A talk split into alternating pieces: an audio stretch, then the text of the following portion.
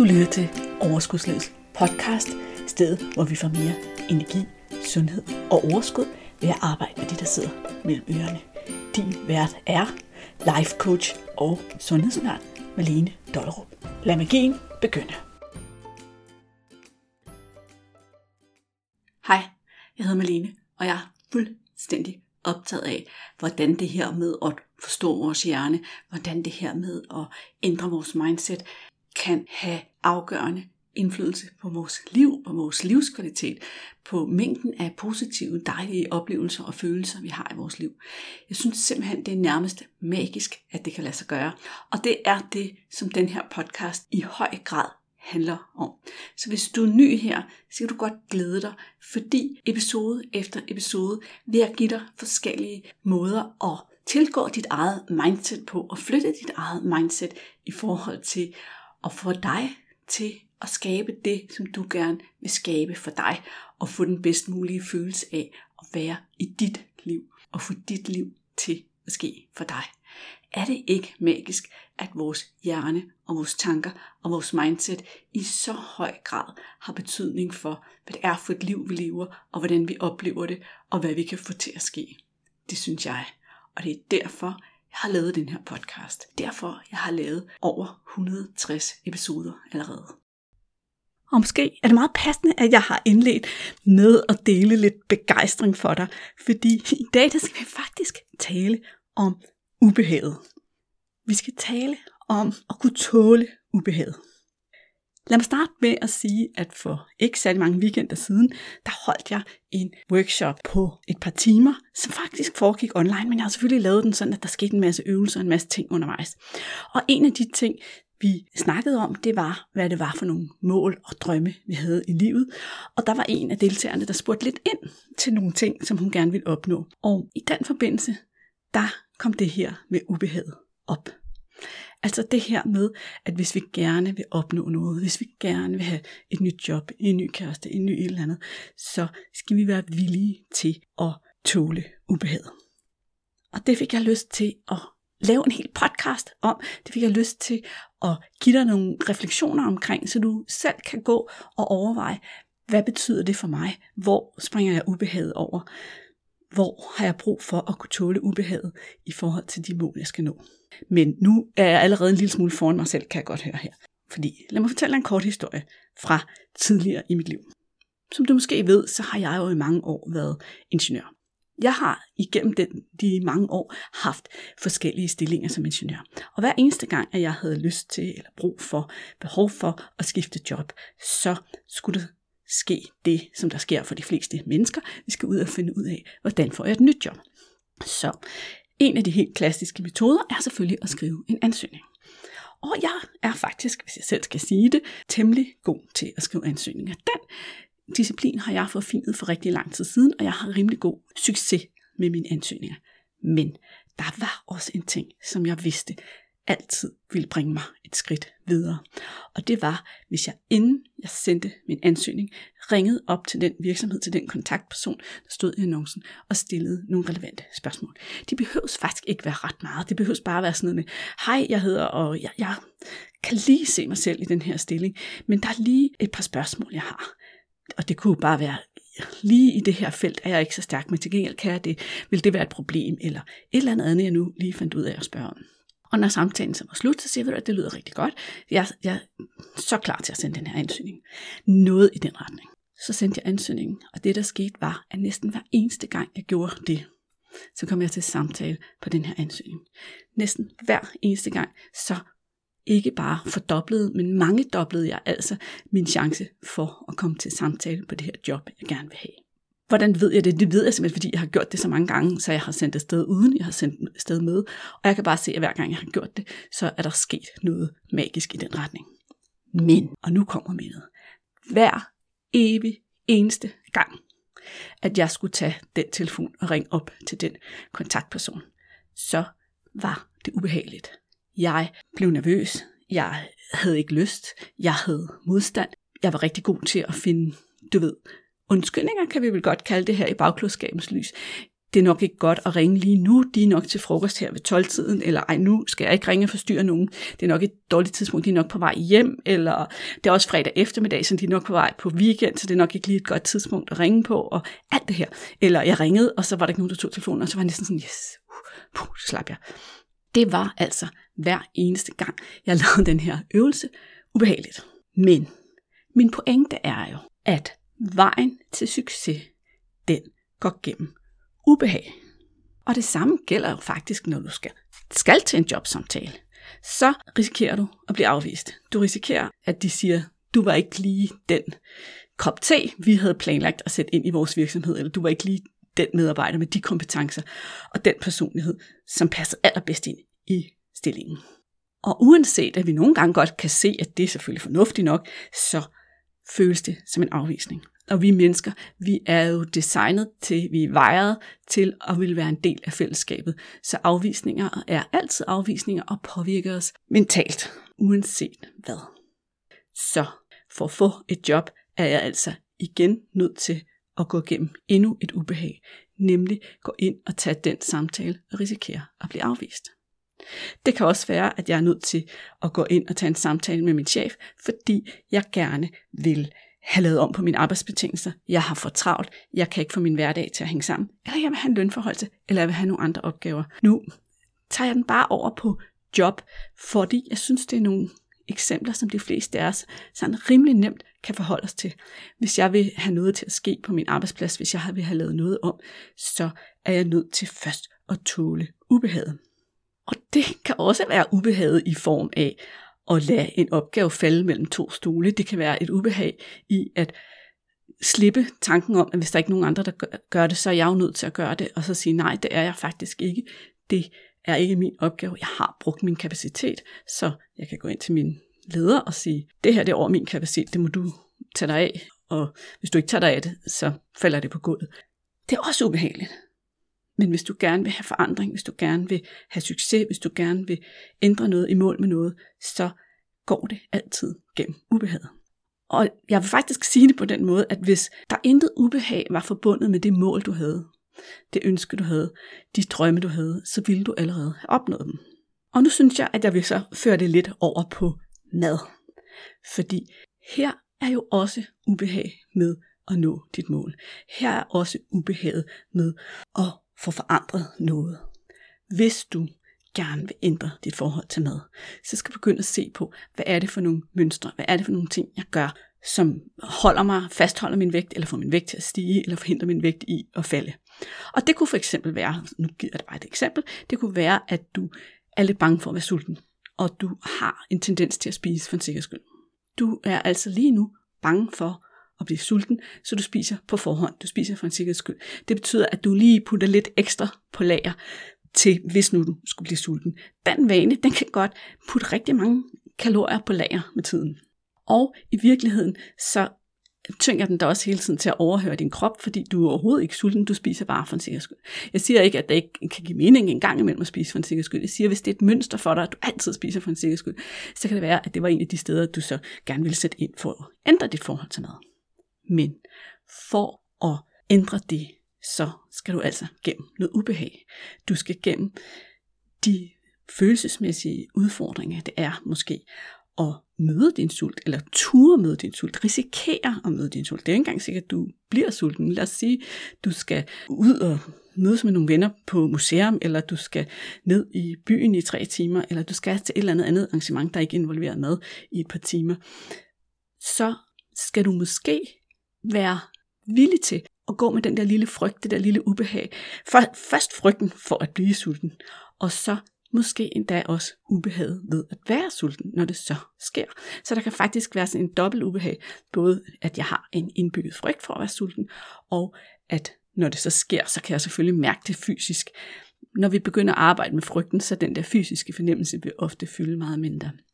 En af de måder, jeg selv har arbejdet med min frygt for sult og lære mig selv og min sult at kende, det er ved at afprøve og faste. Og det betyder ikke, at jeg har fastet flere dage. Det har jeg ikke. Det har jeg faktisk aldrig nogensinde gjort. Men det kan handle om noget så simpelt som at skyde sit måltid 1, 2, 3 timer. Se, hvad der sker. Hvor meget bliver jeg sulten? Hvordan sker det, når jeg bliver endnu mere sulten? Hvornår bliver jeg endnu mere sulten? Hvornår bliver jeg endnu mere sulten? Når jeg har gjort det nogle gange, så bliver min krop også bedre til at tappe ind i lagerne, og sulten bliver mindre ubehagelig. Så vi træner vores krop lidt samtidig til at løse det problem, det er, at der ikke lige er mad til rådighed, og den bare må snuppe af de der madpakker, vi nu har på sidebenene, eller hvor madpakkerne nu sidder. Men for at komme dertil, så er det altså først, at jeg er nødt til at etablere en villighed til at tolerere og tåle ubehaget.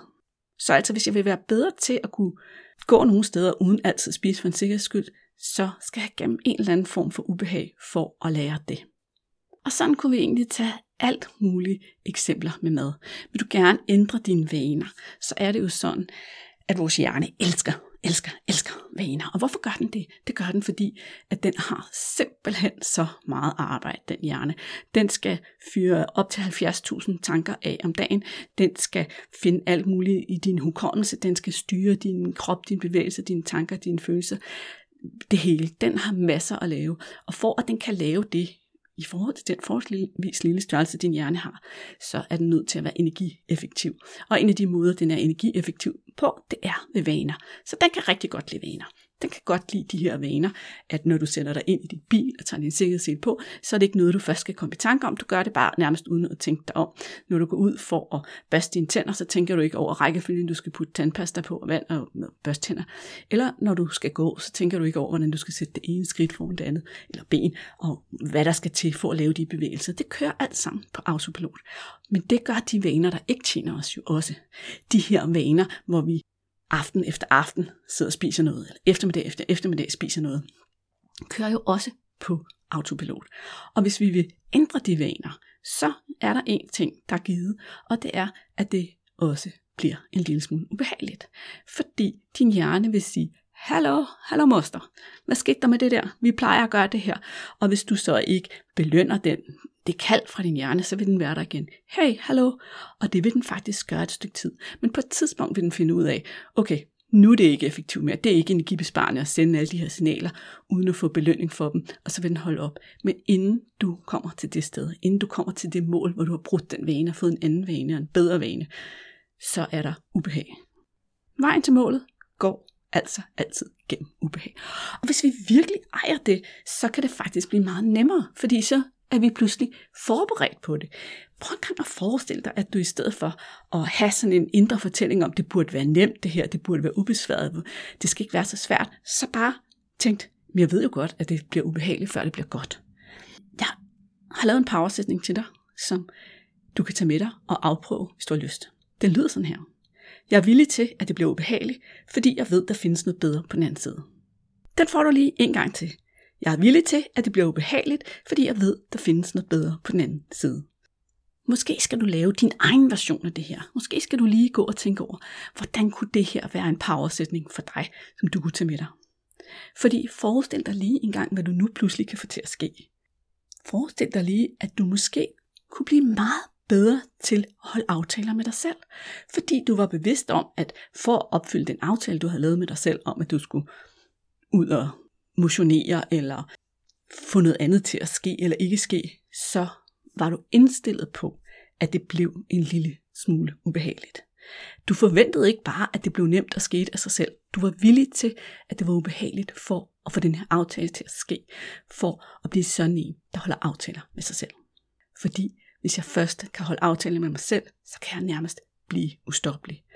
Hvis jeg er villig til en gang imellem at gå igennem ubehaget, så kan jeg få næsten hvad som helst til at ske.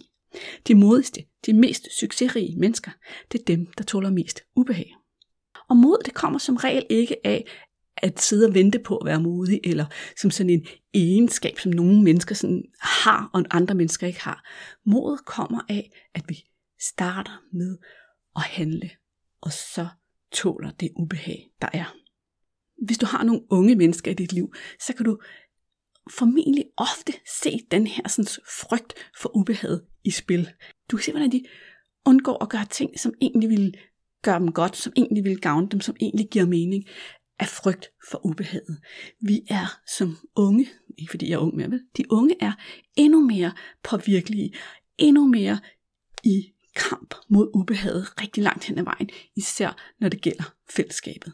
Så de er ikke så langt i livet nu, de har ikke så meget livserfaring, så de kan nærmest slå knuder på sig selv for at undgå ubehaget. Uh, nej, jeg skal endelig ikke ringe til nogen. Uh, nej, jeg skal endelig ikke sige det her til nogen. Vi kan også være forbillede for vores unge mennesker ved at i tale sæt, at det er okay, at det nogle gange er ubehageligt og at vi kan nå meget mere, hvis vi tør ubehaget. Så vi kan øve os i at gøre det selv, og vi kan være forbilleder for de unge mennesker, vi har omkring os. Det er jo slet ikke så dårligt. Jeg håber, at du allerede nu har fået nogle idéer til, hvordan du kan bruge det her mindset, hvordan du kan bruge den her indsigt, hvordan du kan sætte den i spil.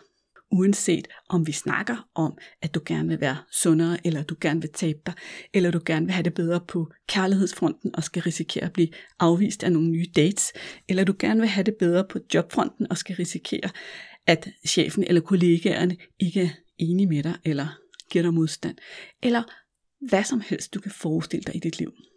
Jeg vil gerne lige pege på en måde mere. En lille ting mere, hvor du skal tænke på det her med ubehaget og villigheden til at gå ind i ubehaget, kan komme dig til gavn. Og igen så vil jeg give dig en historie fra mit eget liv. Jeg startede for nogle måneder siden med at løbetræne med min hund. Det betyder sådan cirka, at han bliver får en sele på, jeg får en slags sele på, og så er der en snor imellem os, og så løber hunden forrest, og jeg løber bagefter og får et let træk fra hunden. Og vi begyndte at løbe to-tre gange om ugen. Det her, det var jo alle tiders lejlighed for mig for at blive holdt oppe på mit løb og få det gjort, fordi der, det var jo alligevel dage, hvor jeg ellers skulle ud og gå en tur med hunden, så kunne jeg lige så godt lave noget med hunden, som hunden synes var sjovt, lave noget, som jeg fik noget ud af, og når jeg så sad og overvejede, at jeg ikke rigtig gad, så skulle jeg jo, kunne jeg jo ikke andet end at sige til mig selv, men jeg skal jo alligevel ud, så kan jeg lige så godt få det der løbetøj på, og få det til at blive til en løbetur. Og hun, han elsker det. Nu har jo den her store hund, som du nogle gange hører kratte rundt på gulvet, eller sukke lidt på podcasten. Det hørte du måske i episoden i sidste uge, hvor han gav et ordentligt suk lige midt i podcasten. Ja, det var ikke en lydeffekt, det var en hundeffekt. Anyways, tilbage til emnet. Der skete så det her for ikke særlig lang tid siden, at hunden ikke havde det så godt. Vi vidste ikke helt, hvad der var galt, men øh, for det første havde han så lidt dårlig mave, og så holdt han op med at trække. Han elsker ellers at trække. Altså, han er lige her, sådan, den her unge hund på 42 kilo, som bare er fuld af energi. Så når vi skal ud og løbe, så giver han bare gas og trækker mig afsted hen ad gaden. Men i stedet for at give den gas og trække mig hen ad gaden, så begyndte han i stedet for bare sådan at lunde ved siden af i mit tempo og prøve at stoppe og lugte. Og jeg var sådan lidt, hvad sker der her? Lad os lige finde ud af, hvorfor han gør det her. Fordi det er en atypisk adfærd. Så jeg holdt op med at løbe med hunden i omkring to uger. Og han har været til dyrlægen og alt det der. Ikke? Det er en anden historie. Tilbage til det her. Da det så ligesom nåede dertil, hvor jeg kunne se, at nu var han egentlig klar igen, nu kunne vi godt genoptage det, så var det rigtig nemt for min hjerne at finde på undskyldninger, udskyde det, udskyde det, udskyde det. Og jeg nåede faktisk at udskyde det, mindst et par dage, hvor jeg var lidt for træt, og ah, den, han var også lige, og du, du, du, der måske var han ikke helt frisk. Historier, historier, historier fra min hjerne, som bare var undskyldninger i bund og grund. Hvis jeg skulle have sagt dem højt over for en, der stod og kiggede på mig, ville jeg vide, at det var undskyldninger. Kender du den slags historie, din hjerne fortæller dig? Og når du fortæller dem til dig selv, så lyder de super plausible, men hvis du skulle have sagt dem højt til et andet menneske, så kunne du godt se, at det var undskyldninger. Den slags undskyldninger. Og det var jo fordi, at jeg var røget ud af spiralen. Før var det ligesom en rutine, det var en vane, det var en god spiral. Den har vi sikkert alle sammen været i, den gode spiral. Der hvor vi får lavet vores grøntsager, eller drukket vores vand, eller passet vores motion, eller alle tre ting. Vi får lavet de gode ting på sundhedsfronten, en eller flere af dem, og vi er inde i en god spiral. Og så ryger vi ud af spiralen af en eller anden årsag. Det kan også være, at vi bliver skadet, eller der sker noget andet tungt i vores liv, som gør, at vi ikke lige kan holde fast i de sædvanlige vaner. Og nu står vi uden for den gode spiral, om så at sige. Og det allersværeste ved at komme ind i den gode spiral igen, det er det skridt, det er fra, at du står uden for spiralen og hopper ind i den. Når først du er hoppet ind og kommet i gang igen, så bliver det bare nemmere, nemmere, nemmere, nemmere. Og det ved du sikkert godt. Du kan sikkert godt genkende det, når jeg siger det nu og her. Men det betyder altså, at hvis jeg skal ind i den spiral igen, så skal jeg være villig til at tåle ubehaget.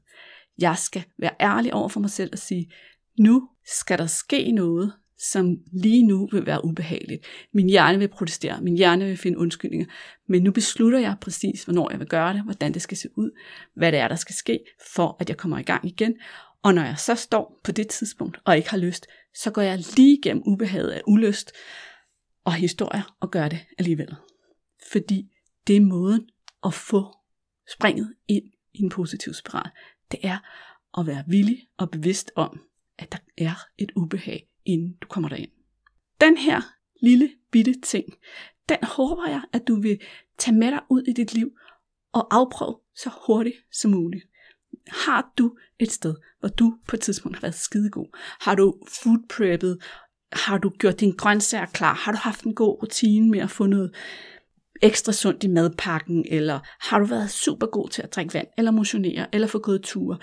Eller kommet, hvad ved jeg, jævnligt lude i haven? Eller et eller andet. Meditere. Whatever du har været god til, som du lige nu er ikke i en god spiral med. Kunne du forestille dig, at hvis du er villig til at gå igennem noget ubehag, så vil du kunne komme ind i den spiral igen. Er du med på den? Er du villig til det? Det er mit spørgsmål til dig i dag.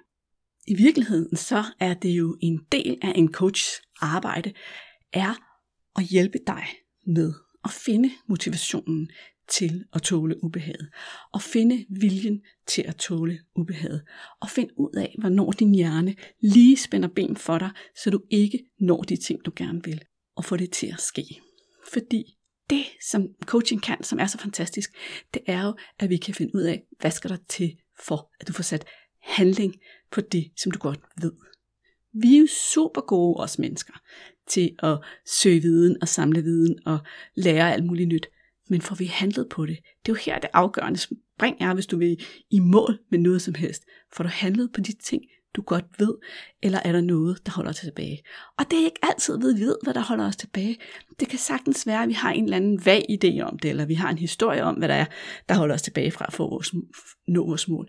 Men ofte så ligger der noget nedenunder det, vi tror, der holder os tilbage. Og det er jo der, man kan gå ind og arbejde med coaching med at finde ud af, hvad er det, der ligger nedenunder?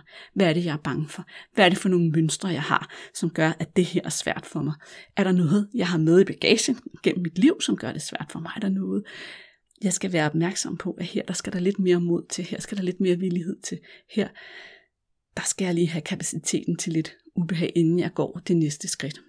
Hvis det her giver mening for dig, og du har lyst til at arbejde mere med de ting, du gerne vil have til at ske for dig og dit mål og dit liv og din livskvalitet, som jeg også startede med at sige her i podcasten, livskvaliteten. Hvad er det for et liv, vi har? Hvad er det, vi får til at ske? Sidder vi og venter, og lader årene går? Eller beslutter vi, yes, jeg vil finde mod, jeg vil finde villigheden. Jeg vil måske endda gå igennem det ubehag, det er at tage en beslutning om at gøre noget godt for mig selv, fordi mit liv skal være bedre end det er lige nu. Hvis du har lyst til at lave det arbejde, hvis du har lyst til at få støtte og hjælp fra mig med det arbejde, så vil jeg opfordre dig til at gå ind og ansøge om en afklaringssamtale. Du kan gå ind på overskudsliv.dk-ansøg, eller du kan bruge det link, jeg også har sat i episodenoterne. Det der så sker, det er, at du lige skriver dine oplysninger, og så finder vi to et tidspunkt, hvor vi kan snakke sammen.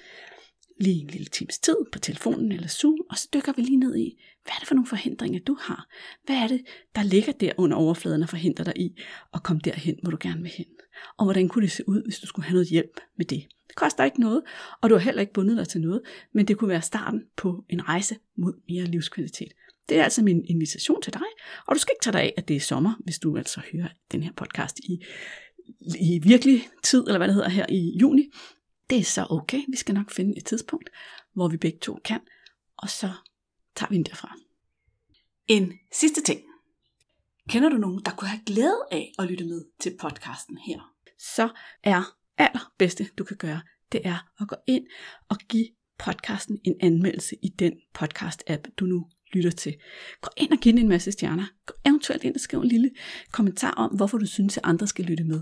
Og hvis du kender nogen, lige specifikt en, du ved, der lige kunne bruge den her episode, så find linket til episoden og del den med ham eller hende, så de også kan få glæde af de her indsigter og de her små øvelser og de her tips og tricks til dit mindset og din hjerne, som jeg deler i dag.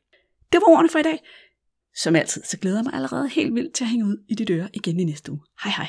Hey, inden du løber, glem ikke at abonnere på podcasten, så du ikke går glip af en eneste episode. Og skulle du have fingre i den gratis videotræningsserie Vægtab med din hjerne, så smut ind på overskudsliddk videoserie så lander den første video i din indbakke i dag.